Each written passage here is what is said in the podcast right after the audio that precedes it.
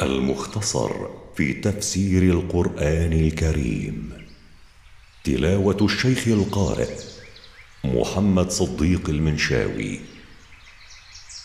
قراءة التفسير ياسين اللحياني ورياض عاشور. إنتاج مركز تفسير للدراسات القرآنية. سورة القيامة. أعوذ بالله من الشيطان الرجيم. بسم الله الرحمن الرحيم. لا أقسم بيوم القيامة. أقسم الله بيوم القيامة يوم يقوم الناس لرب العالمين. ولا أقسم بالنفس اللوامة. وأقسم بالنفس الطيبة التي تلوم صاحبها على التقصير في الأعمال الصالحة وعلى فعل السيئات. أقسم بهذين الأمرين ليبعثن الناس للحساب والجزاء.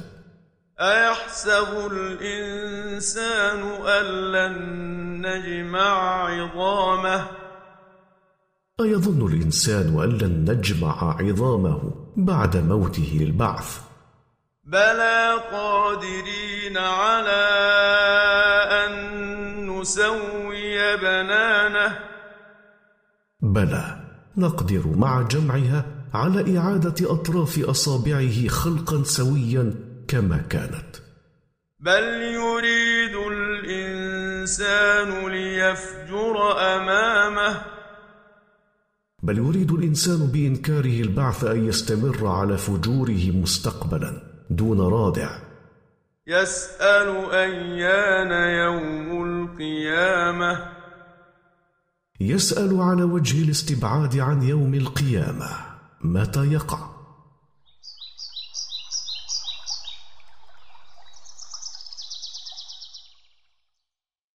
فإذا برق البصر. فإذا تحير البصر واندهش حين يرى ما كان يكذب به. وخسف القمر. وذهب ضوء القمر. وجمع الشمس والقمر. وذهب ضوء الشمس والقمر معا. يقول الإنسان يومئذ أين المفر؟ يقول الإنسان الفاجر في ذلك اليوم أين الفرار؟ كلا لا وزر. لا فرار في ذلك اليوم ولا ملجأ يلجأ إليه الفاجر ولا معتصم يعتصم به. إلى ربك يومئذ المستقر. إلى ربك أيها الرسول في ذلك اليوم المرجع والمصير للحساب والجزاء.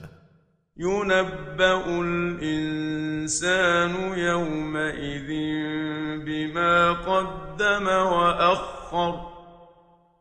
يخبر الإنسان في ذلك اليوم بما قدم من أعماله وبما أخر منها. بل الإنسان على نفسه بصيرة. بل الإنسان شاهد على نفسه حيث تشهد عليه جوارحه بما اكتسبه من إثم. ولو ألقى معاذيره. ولو جاء بأعذار يجادل بها عن نفسه أنه ما عمل سوءا لم تنفعه. لا تحرك به لسانك لتعجل به. لا تحرك أيها الرسول لسانك بالقرآن متعجلا أن ينفلت منك. إن علينا جمعه وقرآنه إن علينا أن نجمعه لك في صدرك وإثبات قراءته على لسانك. فإذا قرأناه فاتبع قرآنه فإذا أتم جبريل قراءته عليك فأنصت إلى قراءته واستمع. ثم إن علينا بيانه. ثم إن علينا تفسيره لك.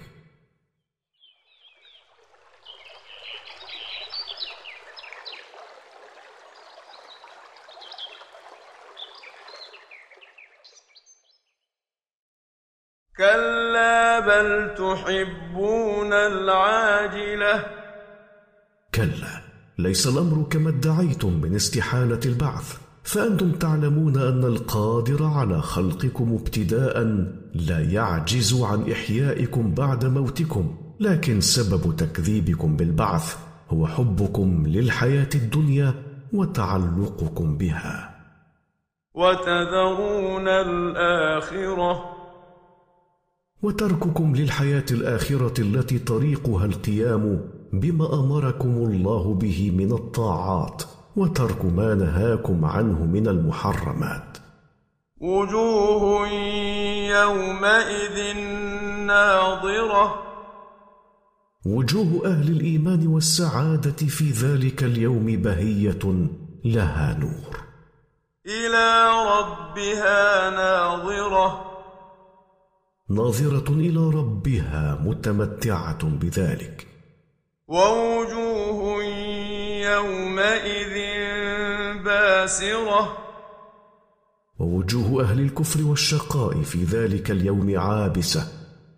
تظن أن يفعل بها فاقرة.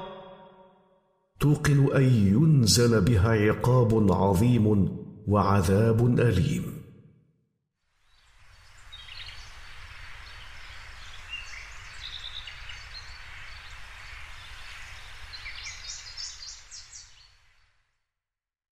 كلا إذا التراقي.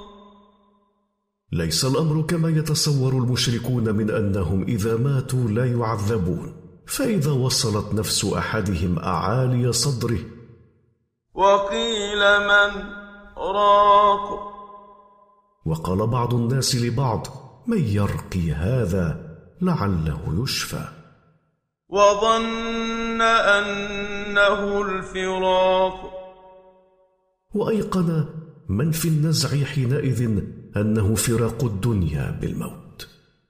والتفت الساق بالساق. واجتمعت الشدائد عند نهاية الدنيا وبداية الآخرة. إلى ربك يومئذ المساق. إذا حصل ذلك يساق الميت إلى ربه. فلا صدق ولا صلى. فلا صدق الكافر بما جاء به رسوله ولا صلى لله سبحانه. ولكن كذب وتولى. ولكن كذب بما جاءه به رسوله وأعرض عنه. ثم ذهب إلى أهله يتمطى. ثم ذهب هذا الكافر إلى أهله يختال في مشيته من الكبر. أولى لك فأولى. وليك أيها الكافر ما تكره. ثم أولى لك فأولى. ثم وليك ما تكره.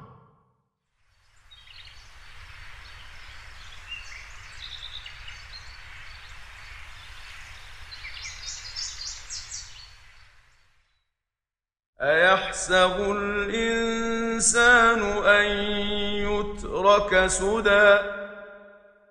أيظن الإنسان أن الله تاركه مهملا دون أن يكلفه بشرع.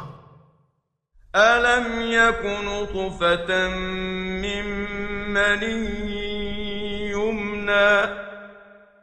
ألم يكن هذا الإنسان يوما نطفة من مني يصب في الرحم؟